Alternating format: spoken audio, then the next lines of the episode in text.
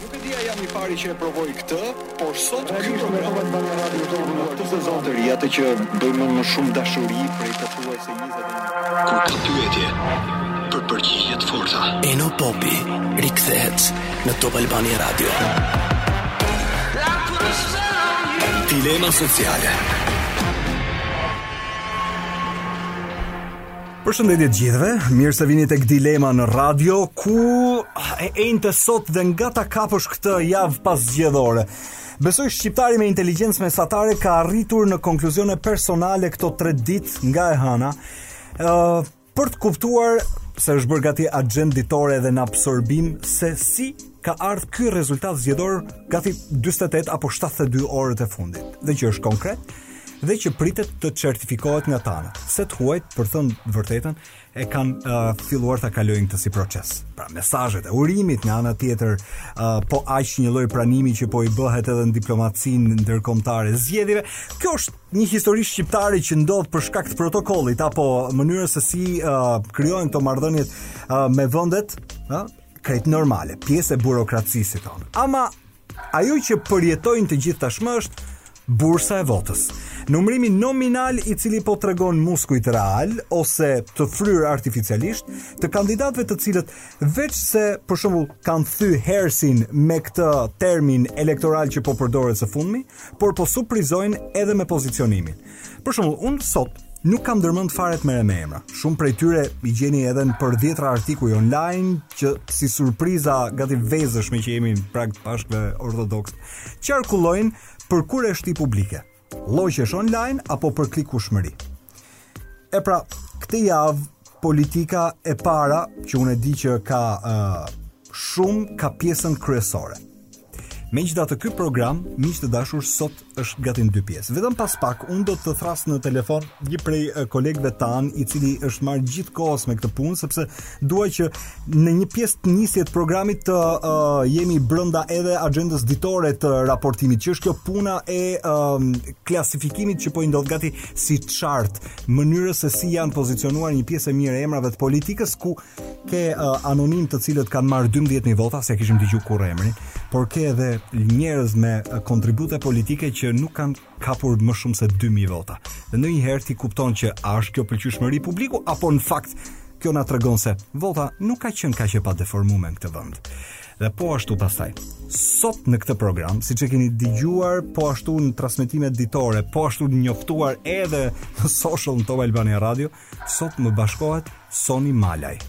Unë kam humbur numrin e intervistave që kam bërë me të në vite të ndryshme. S'i kam mbajt njëherë shënim. Por di të them vetëm një gjë, që sa herë më takon rasti ta intervistoj, unë me të knaqem. Kështu që ju ftoj në radio ta dëgjoni vetëm pas pak. Dilema sociale. Dilema sociale. Në Top Albania Radio.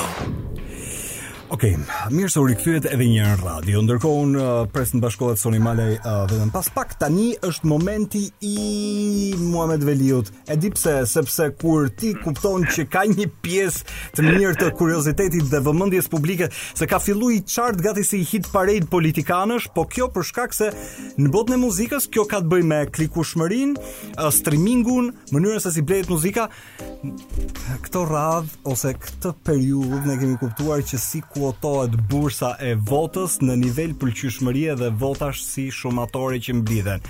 Meti, mirë mbrëma.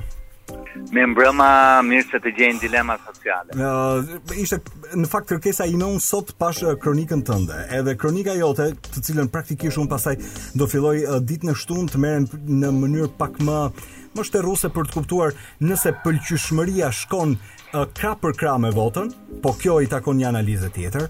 Ajo që më bëri përshtypje Meti ishte uh, mënyra se si ti kishe raportuar për uh, deputetët të cilët uh, sot ose në mënyrën se si po dalin numrat, do t'i kemi shumë shpejt në parlament. Për shembull, Meti më bëri përshtypje që ti kishe shkruar se gati Taulant Balla është kandidati më i votuar dy herë më shumë se Rama dhe Basha.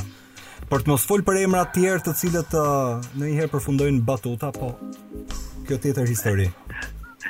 Në fakt, në fakt e në përsa i përket raportimit të Taulant Ballës, unë kam raportuar shifrat që kanë qenë deri në ora 14:30 minuta, pra 30 minuta përpara edicionit në Top Channel, mm. ndërkohë që tani më me shtimin e numërimit të kutive, renditja ka ndryshuar dhe do të ndryshojë. Edi Rama... Po Meti është bërë si Eurovizioni kjo punë. Ka një shift gjërash në mënyrë të habitshme.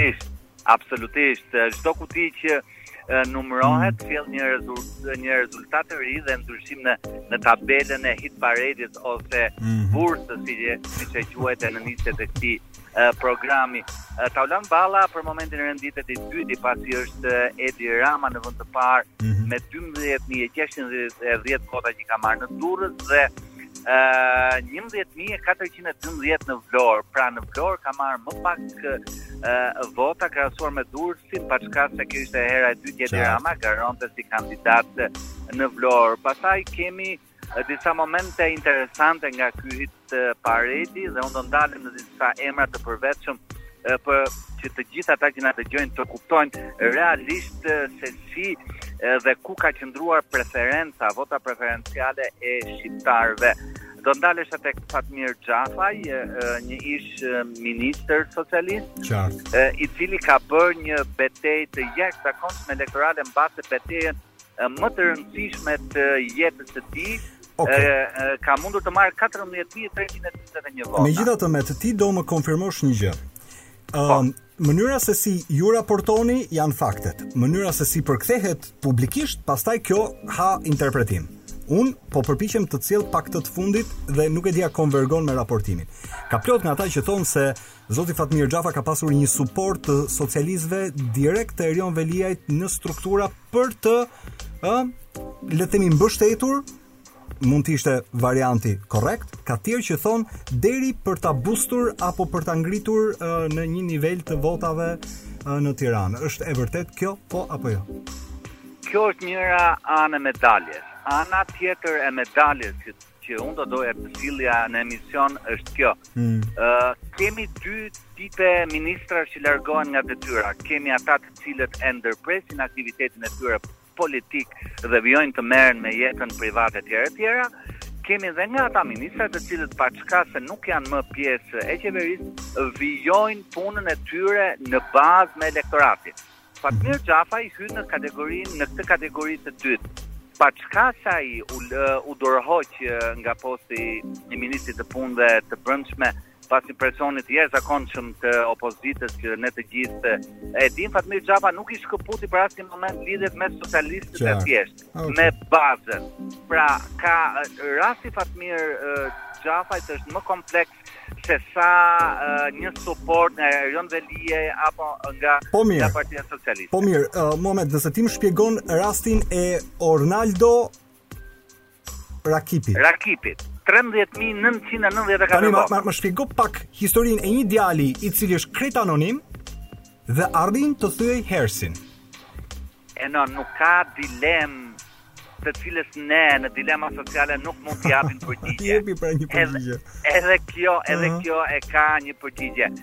Unë e kam ndjekur me shumë interes fushatën elektorale të Orlandos, ka bërë një fushatë normale, ka qenë një djalë i artikul, artikuluar, një djalë i shkolluar, por kjo nuk mjafton që ai të merrte mbi 13000 vota. Por i së vërtetës, ai është ndihmuar nga babai i tij, okay. ishte deputeti i PDU-s Aqif Rakipi, mm -hmm. një njeri me shumë influencë në zonën e Rrogozhinës, Kavajës dhe Elbasanit.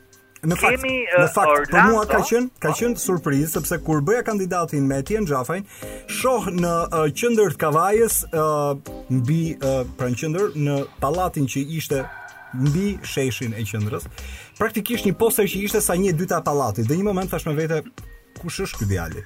Pastaj u interesova dhe na treguan se kush ishte. Por nga ana tjetër kjo mbetet surprizë. Midis shumë njerëzve të cilët kanë reklamuar identitetin e tyre politik, ka nga ata që s'kanë kokërr rezultati dhe ti e di këtë histori. Ndërkohë ky ishte surprizë. Uh, krahas punës që ka bërë uh, Orlando në fushatë elektorale është edhe suporti uh, nga nga babai, kështu që uh, është një meritë e dyanshme vetë okay. Orlandos me prezencën me prezantimin e tij përpara publikut, por edhe mbështetja nga i ati. Kemi uh, pak a shumë të njëjtën histori Eno okay. si me Reme Lalën në Dibër, të gjithë e dim që babai ish deputet. Gjithmonë është një baba që suporton atëherë që është një baba, uh, okay. baballarë që suportojnë okay, djemtë përpara. Okej. Okay. Uh, tani, uh, Medi, për ta mbyllur, sepse unë të falënderoj vetëm shkurt nëse është e mundur. Kam përshtypjen që tani është konfiguruar, nuk ka ndonjë surprizë tjetër. Apo ti po më thua që edhe për pjesën e mbetur mundet që dikush të thyejë diçka? Unë jam i mendimit Eno se duhet pritur edhe kutia e fundit. Në Tiranë, për shembull... Ne shqiptarët i vdiqën këto kutitë e fundit, deri te kutia e fundit. Një mi, deri aty. Në Tiranë për shembull janë numëruar 1077, okay. kuti nga 1243, okay. po ashtu në Durrës 429 nga 481, siç edhe thashë, çdo kuti që numërohet ndryshon renditjen. Okay. Kështu që duhet pritur. Unë të falënderoj Medi. Të uroj uh, natë të këndshme faleminderit. Ishte një kënaqësi Eno, pasi dua të ndaj edhe një gjë, sot ka qenë hera e parë mm. për mua pas shumë ditësh punë,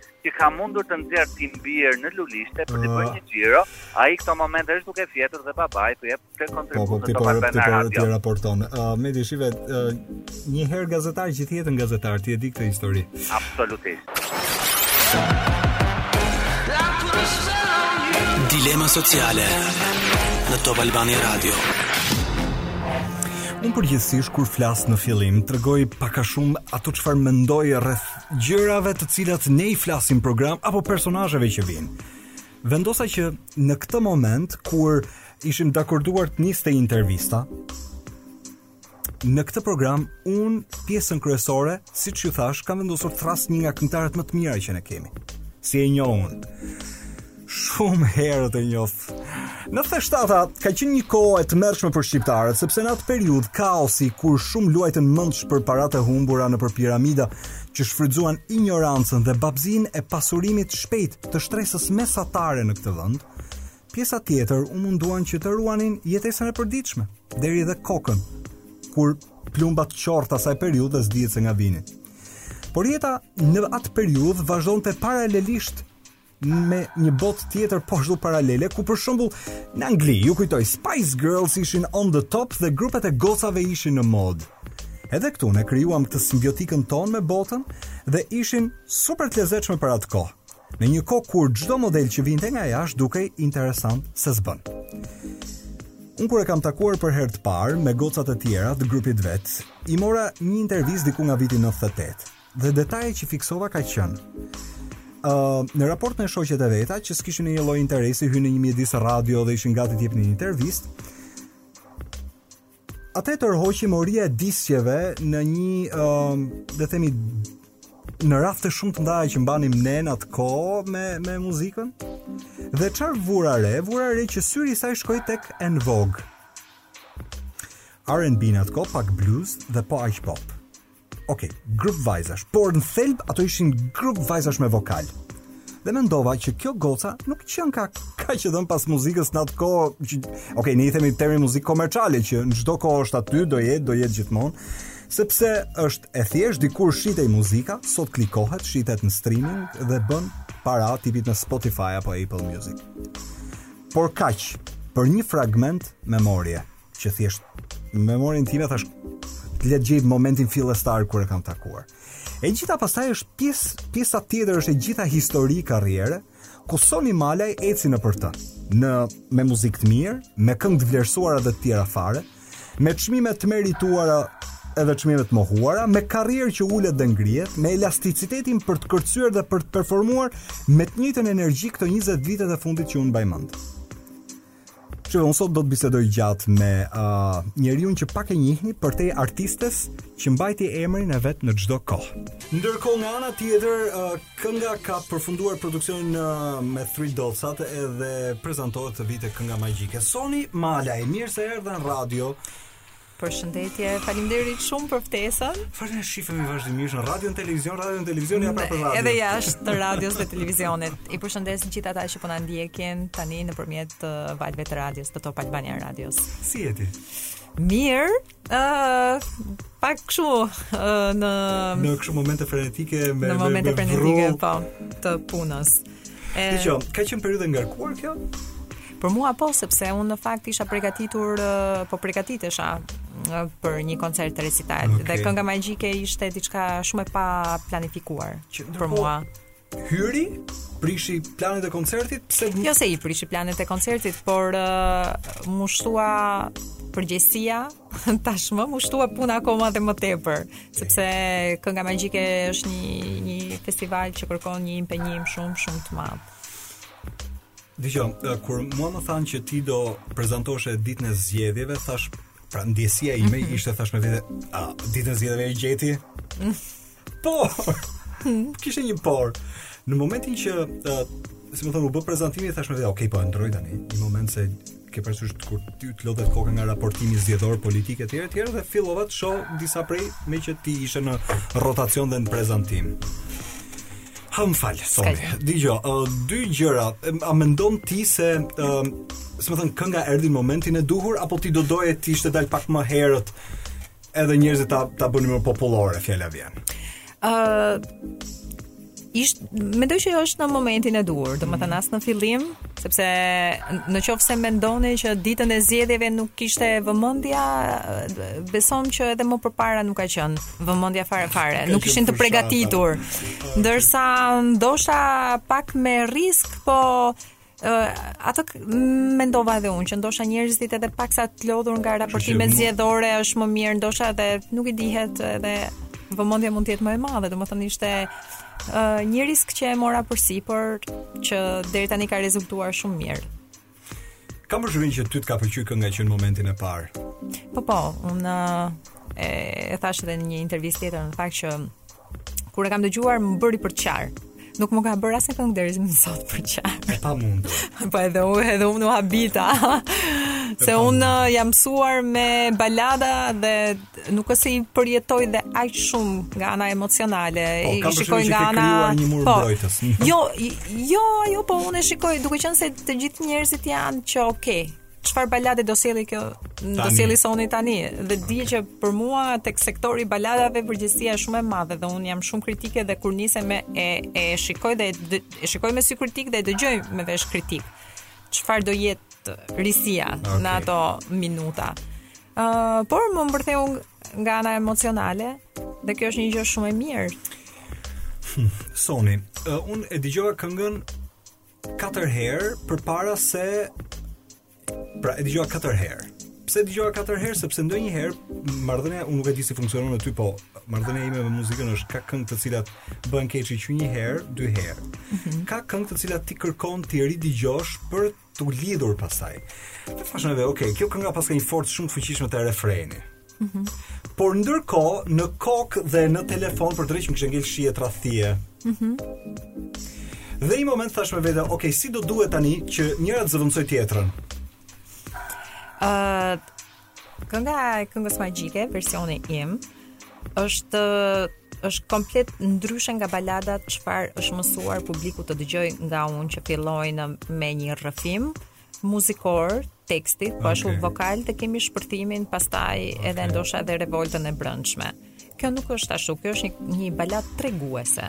Domethënë që nuk kemi shpërthime të mëdhaja vokale Shije tradhtie që Shije tradhtie ka Po, e ka atë revoltën Revoltën e brendshme për tradhtinë Sepse duke, versioni im uh, tregon uh, Për dy njerëz që janë dashur shumë Nuk është se ka pasur uh, tradhti uh, Thjesht është dhimbja e njërit prej partnerëve në këtë rast të vajzës, meqenëse unë e këndoj që ë pavarësisht dashurisë së të dyve, ë uh, njëri nga partnerët e mori shumë të mirëqenë si lidhje dhe ndaloi së punuari për këtë lidhje. Për ta mbajtur.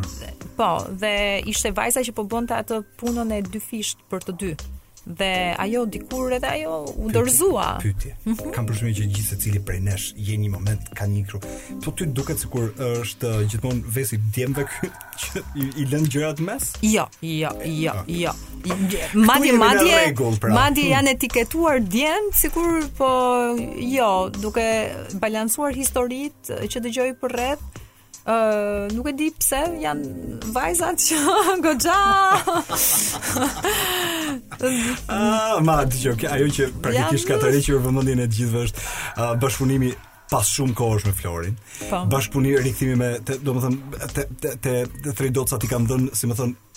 Tridocat kanë ardhur më pas, le të themi, po. si si si produksion. Okej. Okay. E dashur Soni ka pas shumë kuriozitet këtë periudhë për rikthimin me me me, me bashkëpunimin me Florin. Unë nuk e di kur ka stopuar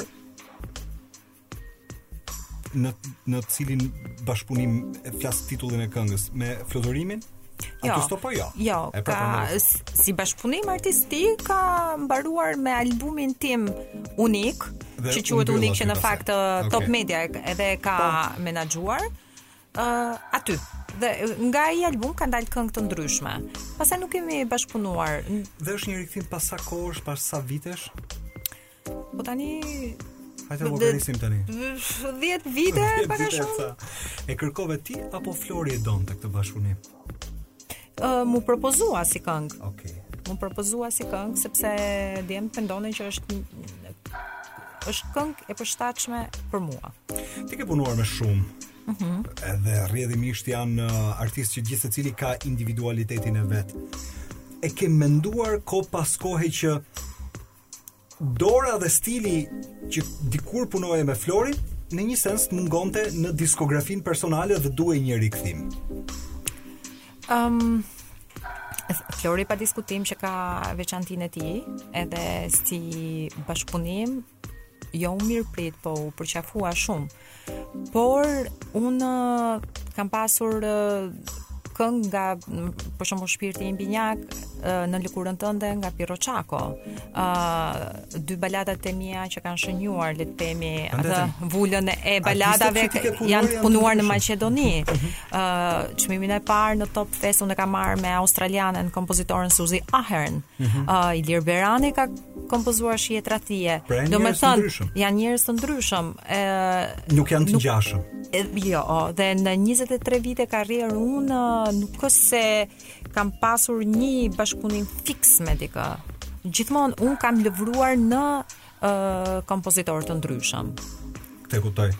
Megjithatë, Nuk e di pse, gjithmonë krijohet një lloj simbiotike që kur punon me disa prej emrave që ti i njeh mirë, unë thjesht e kam perceptim ti e di, ti ia vë notën. Ky me këtë artist ose producent ecën mirë, me këtë uh, mund të nxjerrësh një hit, me këtë mund të bashkëpunosh për uh, një klip, nuk e di. Ishte bashkëpunimi i duhur për këtë festival apo ti do të kishe dashur që pas versionit tim gjërat të vazhdojnë rrjedhimisht për shkak edhe të le të themi një trajtese të re muzikore për një energji ose frymë të re që ty të mungon në diskografi.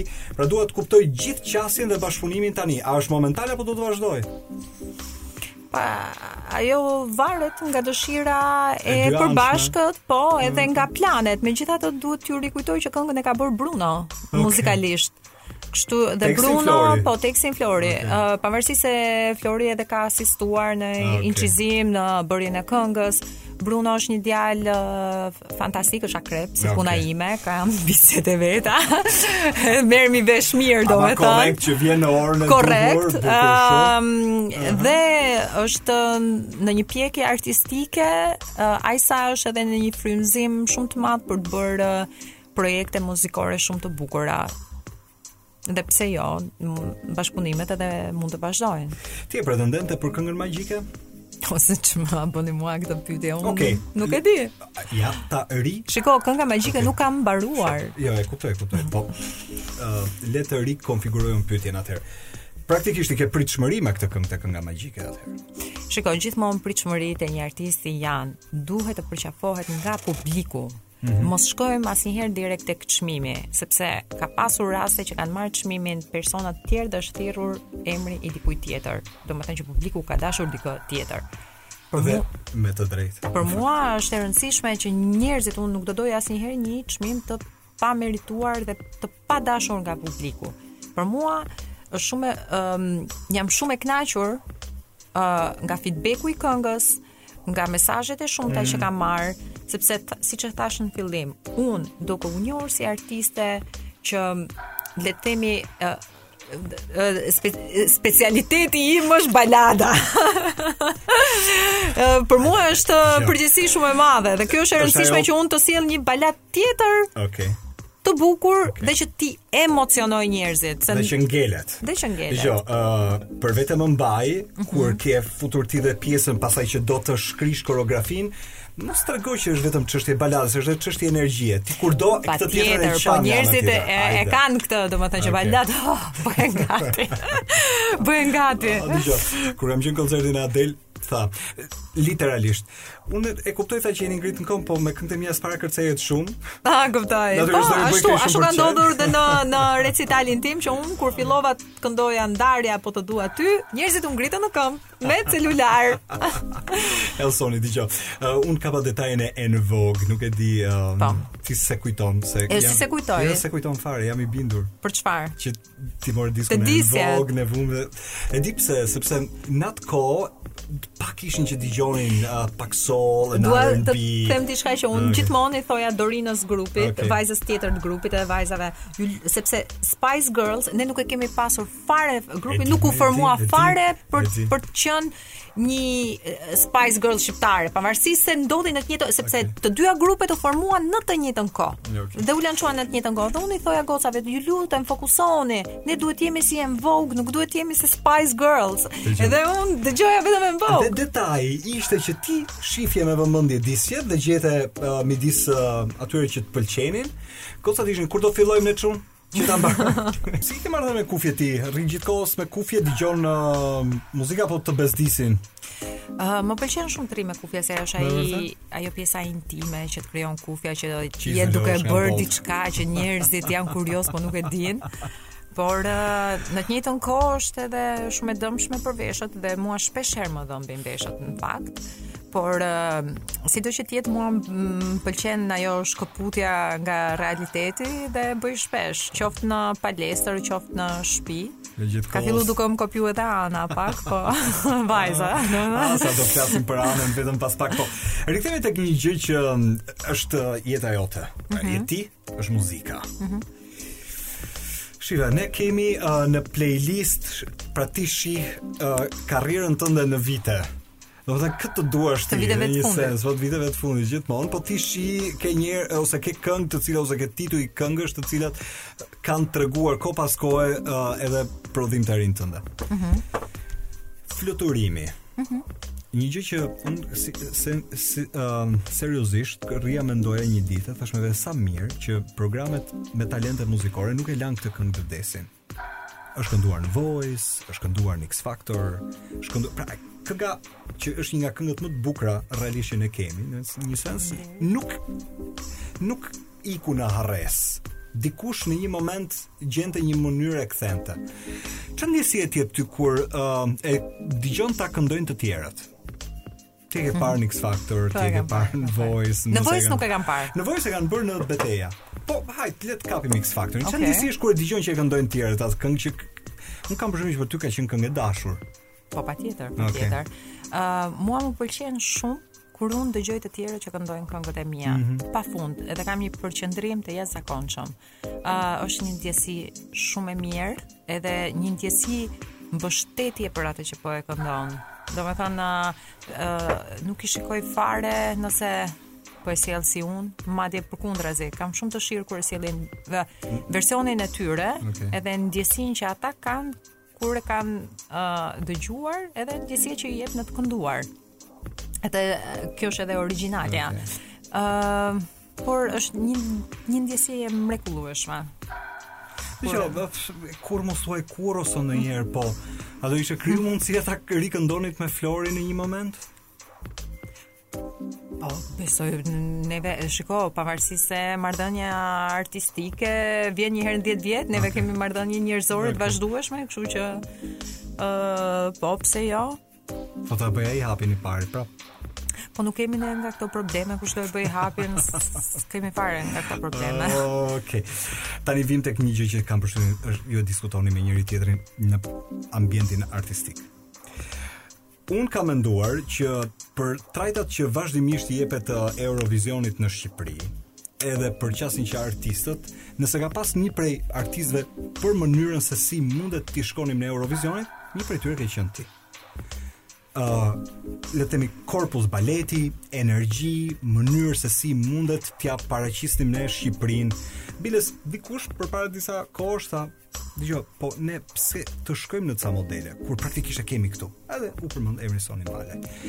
Sa herë e ke thënë me veten që dëgjo, në atë skenë edhe mund të isha. Unë e kam thënë shumë herë, të tjerët e kanë thënë shumë herë. E kanë parë uh, për vite me radhë uh, prezencën time atëherë kur um, ishte in performanca me, me skenike, me kërcim dhe me performancë e plotësuar artistike, okay. sepse edhe kohët ndryshojnë. Nuk uh, në Eurovision jo gjithmonë tashi do vish patjetër se duhet kërcesh. Patjetër, megjithatë kam Por atëherë kur ishte në dhe pikun e tij që u mor si risi nga Eleni Foureira ndërkohë që unë kisha vite këtu që po e bëja. Ëh. Uh, hm. Po hopra. Po. Po ku di që. Më thuaj pak më vjen, po ka pas një moment që ëm um, Kur jo, ishte di, prezenca në Eonia një moment, kur jo, ishte ishte ndërkohë që unë kisha bërë Për veten më mbaj, po, domethënë në këngën magjike me ashtu me performancë me këndim në Eurovision erdhi Eleni Foureira dhe u quajt risi ajo. Ndërkohë që po zhvillohej madje performancë dhe kërcim uh, me shkëputje nga toka, gjë që është shumë e vështirë për sa i përket këndimit dhe diafragmës. Pikërisht. ë uh, po, po ti e kuptove atë që thashë? Pra praktikisht kur ne përpiqeshim të të, të, të gjenim po të gjenim ca modele, ne praktikisht i kishim edhe dëshira e publikut ka qenë prej vitesh, prej vitesh që unë të isha në Eurovision. prej Por, vitesh. Ti ndërkohë nuk e kërkon fortësisht këtë gjënë. Unë e kërkoj, po unë nuk dua të imponohem. Që do të thotë Unë nuk dua të imponohem, uh, unë konkuroj uh, në mënyrë shumë të ndershme. Unë futem në garë siç është në, në, në, në olimpiadat e vrapit që janë gjithë kër, kërcet uh, sinjali i startit dhe nisen gjithë, ashtu jam edhe unë e barabartë me gjithë dhe ashtu nisem edhe në një në një konkurs muzikor. Megjithatë Soni ti jeton këtu. Ne e njohim këtë vend. Ky është një vend ku çmimet çmimet negociohen. Unë e di që ty të lëndon kur je në një start barabartë, por kupton që çmimi është negociuar. Atë unë nuk e di. Fati është kaq politikisht korrekt në këtë pikë. Por ndërkohë vijmë tek një gjë tjetër. Um, sido që të jetë marrëdhënia me çmimet ka qenë një marrëdhënie e cila ka qenë gjithmonë e diskutueshme. Ti ke pas një moment që ke thënë, dëgjo, s'ka nevojë të jesh kaq ekspert për ta kuptuar që një gjë që të takon të takon. Ka pasur çmime që të janë mohu. Um, Uh, po, ndonjëherë ke edhe dëshirë ta marrësh atë kupën më në fund se kur, uh, kur kam parë Leonardo DiCaprion që më, më në fund mori thashë edhe ky një akrep i radhës si puna ime thashë më duhet të jetë uh, fati i akrepave po uh -huh. megjithatë mbështetja e publikut ka qenë e jashtëzakonshme, ndonjëherë dhe fansat janë mërzitur të tipit, domethënë që mos konkuron më, sepse sado që ti të jesh, domethënë Të pëlqesh ata s'do të ta japin më ka pasur edhe një lloj revolte të themi nga fansat, gjë që deri diku më duhet duhej edhe t'i dëgjoja. Patjetër. Por edhe ishte për të treguar që shiko se nuk janë gjithmonë çmimet që bëjnë atë dhe ndoshta shiko se edhe mund të ndryshojnë gjërat. Shih, ne vërtet e kemi këtë në dollapin e trofeve, mhm. dikush mund ta rendisë Eurovisionin.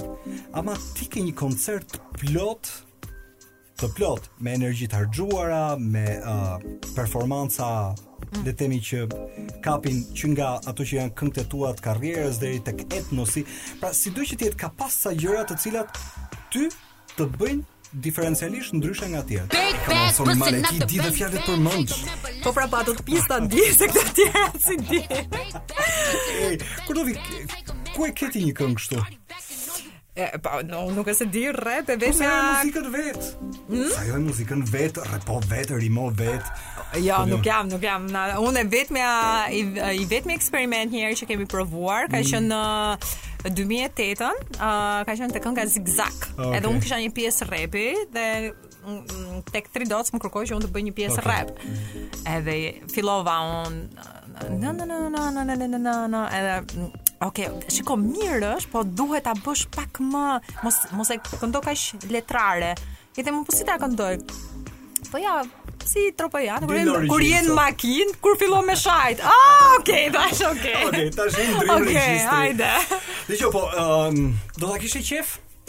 Uh, ja, ja, s'e besoj, ja. Jo. Domethënë okay. mund të jetë pak shkurt, okay. unë gjithmonë kam pas repuar me Missy Elliot. Pikërisht. Uh, po jas, nuk më mos t'i futem në atë sport. Okej, okay, secili e di se ku rri vetë dhe e ka të qartë se do të thotë çfarë mund të bëjë mirë dhe çfarë s'mund të bëjë mirë. Po meqë ra fjala. Tek ato që mund të bëje mirë. Shih, ti ke shku edhe um, ke provuar disa gjëra që për një artist janë ca gurë kilometrikë të rëndësishëm. Koncertet vazhdimisht. Recitalet që ndërtojnë, le të themi, një lloj memorie për artistin, por nga ana tjetër edhe edhe i tregojnë njerëzve ça ça mund të bësh ti në një orë e gjys apo dy. Ë, uh, së fundmi në fakt në në diskografinë mm. muzikore, Po evitohen disa gjëra të rëndësishme që janë edhe themelet e karrierës artistike të një të një artisti, të një këngëtari, të një performer. Ëh, mm. uh, që janë pasaporta.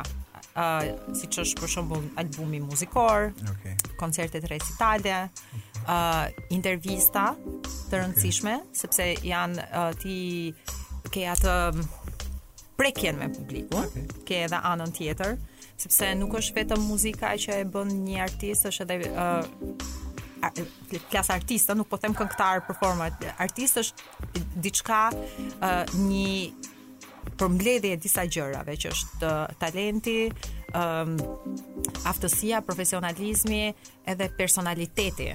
Kështu okay. që nëpërmjet intervistave tregon edhe personalitetin që ke edhe ë uh, Për këtë uh, pak të koncerti. Po. Se koncerti ishte i rëndësishëm. Aty at, aty kisha ngasjen.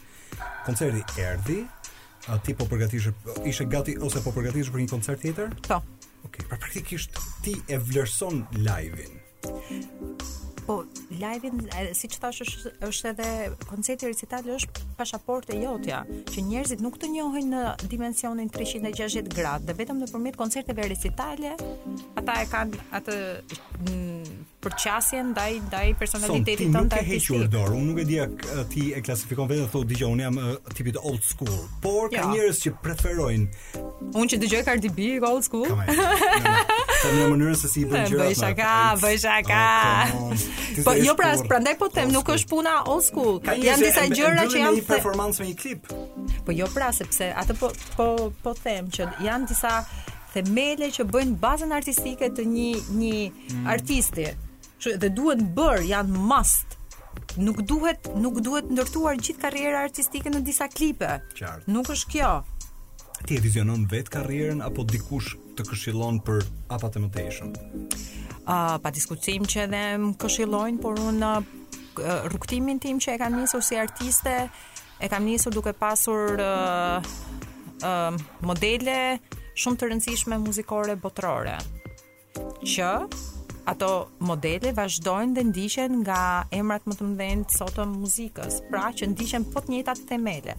Mhm. Mm që ti praktikisht i shef si modele për tu për tu parë. Megjithatë, shiko, ëm ehm, um, kush do të ishte koncerti i ëndrrave nëse un shty fantazinë time deri tek aty ku ti hap krahun dhe thua dëgjo koncerti im i ëndrrave do të ishte. Po, koncerti im i ëndrrave do të ishte në fakt kur kam parë uh, uh, Super Bowl, okay. që ishte Shakira dhe Jennifer Lopez. Uh, kam thënë, ok, kjo është domethënë çfarë unë realisht do doja të bëja. Pra, domethënë nga ana vizive, muzikore, et, organizative, profesionale. Të të rejnë J-Lo. Jo, nuk ishte vetëm J-Lo, domethënë ishte energjia e përbashkët e të dyjave dhe organizimi. Ajo që doja të thoja është që ajo më duket makineri. Kur mor, mora vesh që uh, 48 data i kishte një pas një në Vegas. Në Las Vegas. Po. Pastaj pushonte pak, pastaj ribënte të njëjtën gjë, prap një 48-she tjetër, thashë me vete, ok, si nuk mërzitet ajo. Çfarë ndodh një artisti se ti e kupton më shumë kur perf, uh, performon në të njëjtën energji gjithmonë në njëjtën playlist ose të njëjtën uh, uh, të njëjtën play track. Madonna, uh -huh. që është edhe një nga idhujt e mi okay. dhe për sa i përket në fakt skenës, se shumë njerëz më atashojnë me Jennifer Lopez, por në të vërtetë un jam shumë Madonna style. Shumë, domethënë, pavarësisht ndoshta s'e kam paraqitur për shkak okay. por un në në veten time jam me modele të tjera. Thoshte, se për shembull gjithmonë është kënga Vogue. E Madonna Strike Pose. Okay. Dhe ajo uh, në çdo koncert sajin tour, sepse dihet okay. që është një tour fillon uh, përgatiten 6 muaj dhe gjatë gjithë vitit ajo. Të njëjtën gjë. Ai uh, për të mos iu mërzitur këngët bënin uh, instru bën instrumentale të ndryshme, okay. sepse njerëzit pa diskutim që do duan të të dëgjojnë nga Madonna Vogue Like a Prayer etj okay. etj. Kështu që edhe neve kemi këtë, domethënë, bëjmë ato ndryshimet e vogla, plus është edhe energjia, neve e sugjestionojmë veten shumë para se dalim në skenë, dhe artistët përgjithësisht punojnë me energji, japin dhe marrin energji, dhe energjia njerëzore është shumë e fortë, bëna të gjithë A bën ti uh, një gjest personal, ka plot që diku luten diku, diku thonë diçka, diku... Uh, ka plot nga ata që thonë hajde për të mos na kap syri se është shumë e rëndësishme kjo puna e energjisë. Ti ke një gjë personale për këtë apo jo? Ja? Ti veç hyn del. Të them një gjë të shumë mm, pra recent domethënë të fundit. Po. I them një mikeshës time, i them o zot sa do do me thënë që neve ah, okay. bëjmë ato gjëra mm. tona para se dalim në skenë më kap syri them unë shumë thotë shiko thotë një sekond po vazhdojmë po Shiko thot, uh, kam dëgjuar, tha nuk e di, po që zhiva sikur e largon syrin e keq. Jo hudhra. I tha, unë i thash ata marr hudhrën, i thash, thash shiko tham, kam dëgjuar zhiva është më e fortë se ti ti ty të kap shumë. I i them, po këtë që zhiva, po termometër.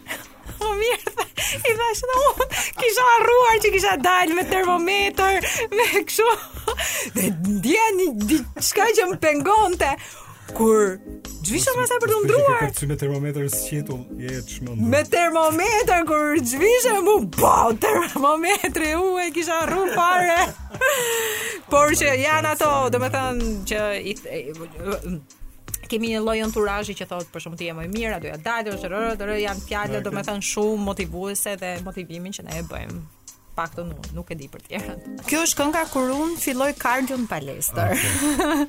dhe në fakt unë vendos uh, versionin tjetër, uh, versionin live okay. në njërin prej tureve kur Madonna del, del. vendos mikrofonin okay. këtu dhe fillon uh, me Vogue, por në të njëjtën kohë Vogue është e miksuar si instrumentale me këngën 4 Minutes që ka në bashkëpunim me okay. Justin Timberlake dhe të prodhuar nga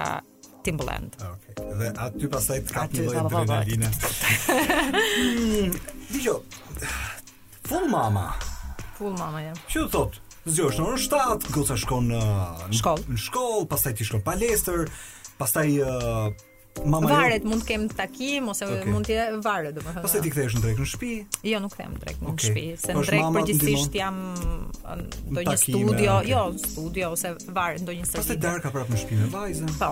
Uh, unë mundohem që deri në orën 4 e gjysmë 5 t'i kem të mbaruara gjitha, sepse Ana përveç shkollës ha drekë atje, bën edhe pas shkollë, domethënë detyrat after school. Okej. Okay. Dhe kthehemi pak a shumë në të njëjtën kohë. Dhe kështu.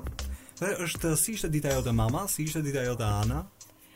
Ana gjithmonë ka ankesa që unë s'jam, pavarësisht se edhe jam. Po se di ti që kalamajtë shumë, kalamajtë të duan për vete. Po kur do të vish ti? Marrdhënien me mamin e kanë të ngushtë. Dhe është gjithmonë është shumë fëmi i dashur me mua. Okej. Ëm ka atë pjesën e vet që do të do të jetë në atë kohën e saj të lirë të kërcimit, të këndimit, të fantazuarit, të luajturit. Ë uh, unë e lë të lirë. Uh, kuptohet. Akoma fan e Michael Jackson është goca apo ndroi pak? Po jo, akoma aty në provat e, e kërcimit e bëjnë nga një Michael Jackson. Madje pastaj ndoshta kur të ketë një këngë do ta tregoj edhe videon e Anës. Jo, kurioz jam, e di pse se asaj kam përshtypjen kjo pjesa i rrjedh nga damari në një sens. Jo, nuk ja kemi Dy nuk... prindërit artistë, babai kërcen. A, po, po, po, po, po, por Michael Jackson e ka vetë zgjedhje personale, jo, nuk nuk ja kemi vonuar. Ë, uh, dëgjoj, uh, mundet të jesh edhe në tonalitetin e vajzës time, e cila Sam Smithit i thot Sef Se s'e artikulon dot tre vjeç fëmija Por Po se mezi po e artikulojmë dot ne E një moment i them Pse mendoja që mund të kishte çik më shumë vesh për ritëm e tjerë e tjerë Jo dhe ajo është e këto Domethënë, vdes për Fire on Fire që na është bërë kanal 200 herë në shpi. po vim pak të kë, um, të këgjyrat. Dëgjo, dhe unë e di shumë, um, e di shumë lidhjen që ke pas ti me babin. Mm -hmm. Ti ke qenë gati kështu Daddy's Girl. Po, po, po. Unë e kam thënë edhe më përpara, gjithë bota ime rrotullohej rreth babit edhe se ça më bëhej rreth e rrotull. Ti e di që për um, rrethana dhe arsye natyrisht punës, unë e kam njohur shumë kohë përpara dhe natyrisht ne tek-tuk me ca njerëz që e njohin, ja përpiqemi t'ia mbajmë kështu kujtimin e dikush pyet edhe ti. Por nuk e di pse më është krijuar mua përshtypja që në periudhën që uh, zoti Sadik iku, ti e vuajte shumë në sensin edhe të një gjëje që dhim gjithmonë kur prindët ikin ka një dhimbje. Por nuk e di pse, mirë pra ky është perceptimi im. Tani më thuaj nëse unë kam pas gabim, po ty të ndikoi dhe në gjërat e mëtejshme. Është kështu apo jo? Më ka ndikuar shumë, edhe më është dashur shumë, shumë kohë që unë ta marr veten dhe të rikthehem ë uh, uh, karrierës. Tamam ashtu siç duhet. Madje madje un mund ta them që tani sikur jam pak on track. On track po. Se ishte shumë se e shikonin edhe fansat më thonin ti qesh po nuk të shkëlqejnë sytë. Çfarë ka? Ka një gjë, domethënë edhe kur qesh seç ka një trishtim. Domethënë nuk isha ndërsa tani ë uh, mundohem, domethënë që të të të ta pranoj si fakt. Okej. Okay. Që u bënë ca vite? U bënë, u bënë ca vite, po është e vështirë. Është e vështirë, e të kuptoj. Po. Sepse ishte tragjedi, nuk është se ishim të përgatitur dhe për ne ka pikëpyetje, ka Ende gjëra të pa sqaruara. Domethënë do do do iku shumë herët. E di. Ai ka ikur shumë hmm. herët. Domethënë ka qenë një prej njerëzve që ka kontribuar për turizmin, sidomos ai e ka kishte me shumë dëshirë që të tregonte që pse vlen Shqipëria në raport me të huajt edhe vazhdimisht sa e rëndësishme ishte kur të huajt vinin këtu çfarë t'i tregonte nga Shqipëria. Ajo çfarë kam uh, dëshiruar e kam adhuruar dhe ndoshta deri diku trashëguar sepse Uh, babi ka qenë njeri uh, me synime përtej vetjakes, ka qenë me disa ideale, uh, edhe shumë ideale për vendin e tij. Dëgjo. Ndaj, këtë e kam adhuruar um, gjithmonë tek ai. Unë po përpiqem që nëpërmjet një gjëje personale të kuptoj po ashtu ty, po kur im më iku unë fillova të mendoj që a kishim lënë gjëra pa thënë. Mhm. Nuk e di në rastin tënd. Latë gjëra pa thënë? Unë uh, kam pasur fatin e mirë që ai vinte në koncertet e mia. Vinte dhe neve uh, kuptoheshim shumë me njëri tjetrin, ai më linte dhe lirinë. Ëh mm. uh, mundohej edhe mos më kritikonte se kishte vënë re, domethënë që uh, Ndoshta unë reflektoj më shumë me një shikim se sa duke ma thënë dhe përsëritur 100 mhm. herë. Megjithatë, atë kohë që ne kemi pasur, e kemi shfrytëzuar mm, për kujtime shumë të bukura uh, pozitive, sepse mm. policin e keq ia kishte faturuar mamit. Domethënë, ai ka qenë shumë i zgjuar në të ka thënë, Un sikur sikur ja ka ndjen zemra dhe ka thënë un me me vajzën time më mirë edhe me djalin, po me mua nga që gjithmonë vajzat janë një çikë si përkëdhele më tepër. Po, po mirë po e mbaj kështu. Dhe më pëlqen ky uh, ndarja e roleve sidomos me polic. Kështu që ti si mam uh, përpiqu që të jesh uh, Jo, un në ah. rastin tim un jam polici i mirë. Okay. Un jam e mirë, ajde.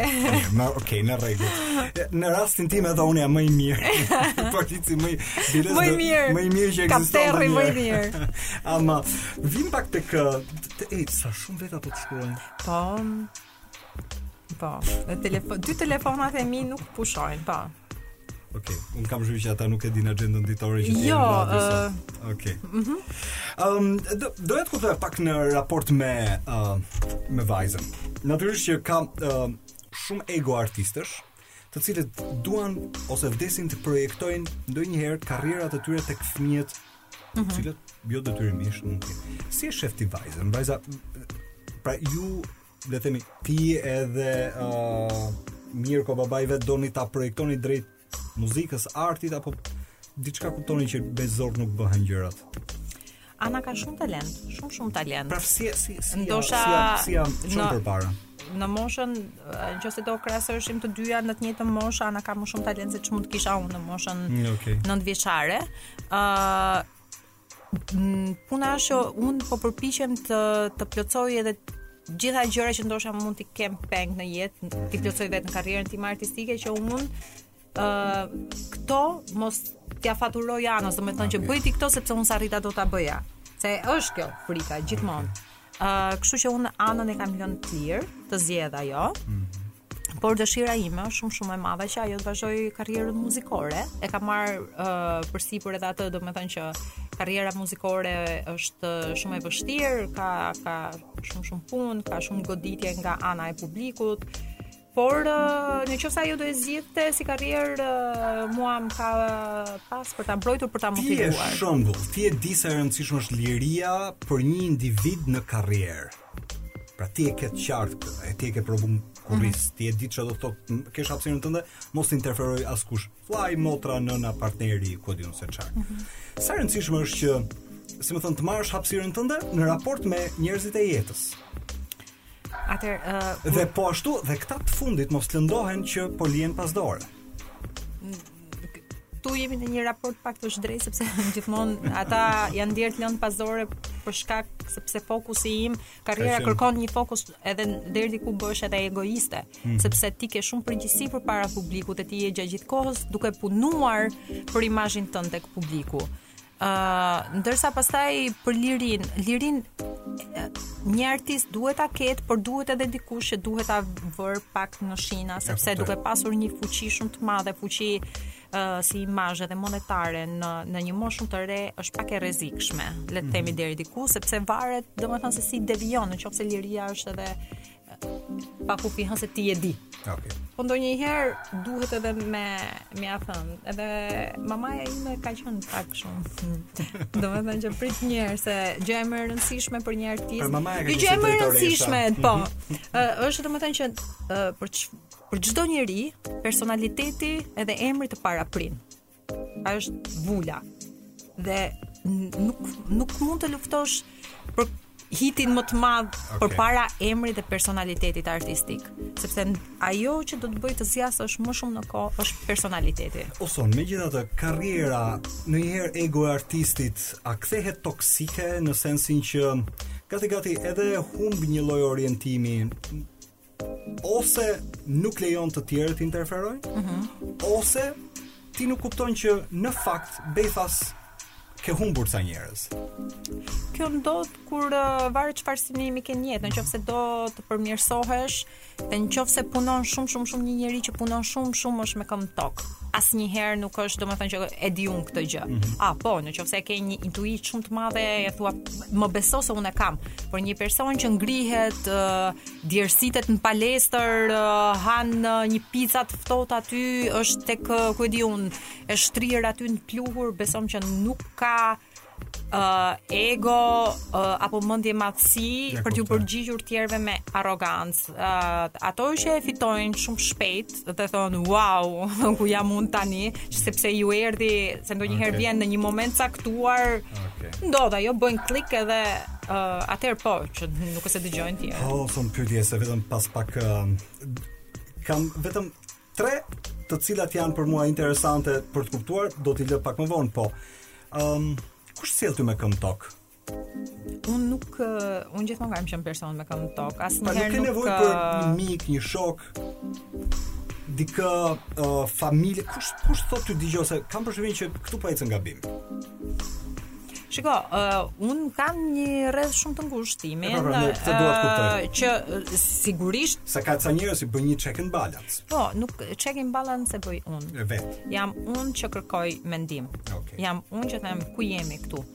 sepse unë mendoj që gjithmonë uh, fuqia e suksesit është puna në grup, jo individuale. Dhe unë gjithmonë kam hecur me këtë, unë pyes, pyes, pyes, pyes, pyes. Pyes. Okej. Okay. Jo, kam përshtypjen që ka kaluar një fazë që përgjithsisht ti s'e kupton ku deliron, Pra ka kalu një fazë moshe. Ku deliron në raport me kur je me këmbë n'tokë. Mm -hmm. Tani i arritur në një sens secili kur arrin një lloj pjekurie e di se ku është. Por pas pak do të pyes për të rinjtë se kjo është e rëndësishme. Dhe mm -hmm. nuk mhm. të pyes gabim. Ti ke punu coach? Mm -hmm. uh, ti e di që si mund të nisi mirë dhe merr kot dikush nga eksperienca. Ti e di se kush mund të eci dhe cila është rruga për të ecur. Kjo nga eksperienca. Po për këtë pyes vetëm pas pak. Dëgjo. Kam përshtypjen që ty njerëzit pak të njohin në këtë pikë. Po dhe habiten kur unë vë playlistën në makinë. Okej. Okay. Janë gjithë kështu. Come on. Muzika jote është kjo? Dëgjo, si një këngëtar i ri. Të thashë ti ke pas eksperiencë si vocal coach, X Factor ishte një eksperiencë interesante. Nuk e di pse m'ishte fiksu, po gabimisht Voice, po By the way, është e njëjta gjë, një njeri që ty të beson ëndrrën e vet, ty të shef në dritë syrit se çfarë duhet të bëjë. Ti po ashtu njef rrugën e duhur në raport me rrugën që ndonjëherë s'është rruga e duhur. Ku janë të rinjtë sot në muzikë? Sipas teje. Ajo çfarë ju ka bërë përshtypje në fakt ë uh, atyre që unë kam punuar ë uh, janë se obobo pse neve kaq shumë të punojmë? Domethënë që ju ka ardh shumë çudi që duhet të punosh kaq shumë dhe Unë pra, uh, si një artiste pun, me një me një uh, karrierë me baza dhe të konsoliduar, vazhdon dhe punon si si një mm. që sapo ka filluar.